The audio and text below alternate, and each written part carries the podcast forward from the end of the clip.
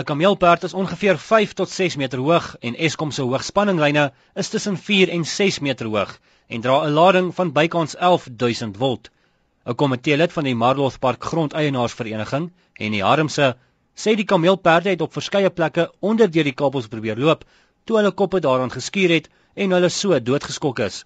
Volgens Harmse het hulle vir ongeveer 'n jaar lank met die plaaslike munisipaliteit gepleit om iets te doen voor Eskom toe ingespring het om te help. Hulle het die bestaande transformators afgehaal, 'n langer palle geplant en die transformator dan hoër gemonteer sodat dit dan buite bereik van die kameelperde is. So hulle moes dit doen op iets soos 106 transformators in een dag. Jy was seker 250 werkers Jy was seker 150 voertuie op een dag het hulle dit alles gedoen. Harmse sê Eskom het die werk op eie onkoste gedoen.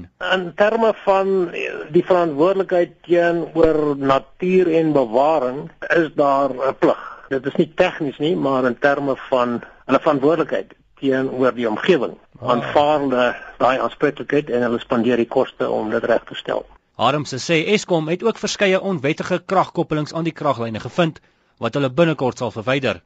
Ek is Justin Kennerly met my kop veilig buite die bereik van kragdrade in Johannesburg.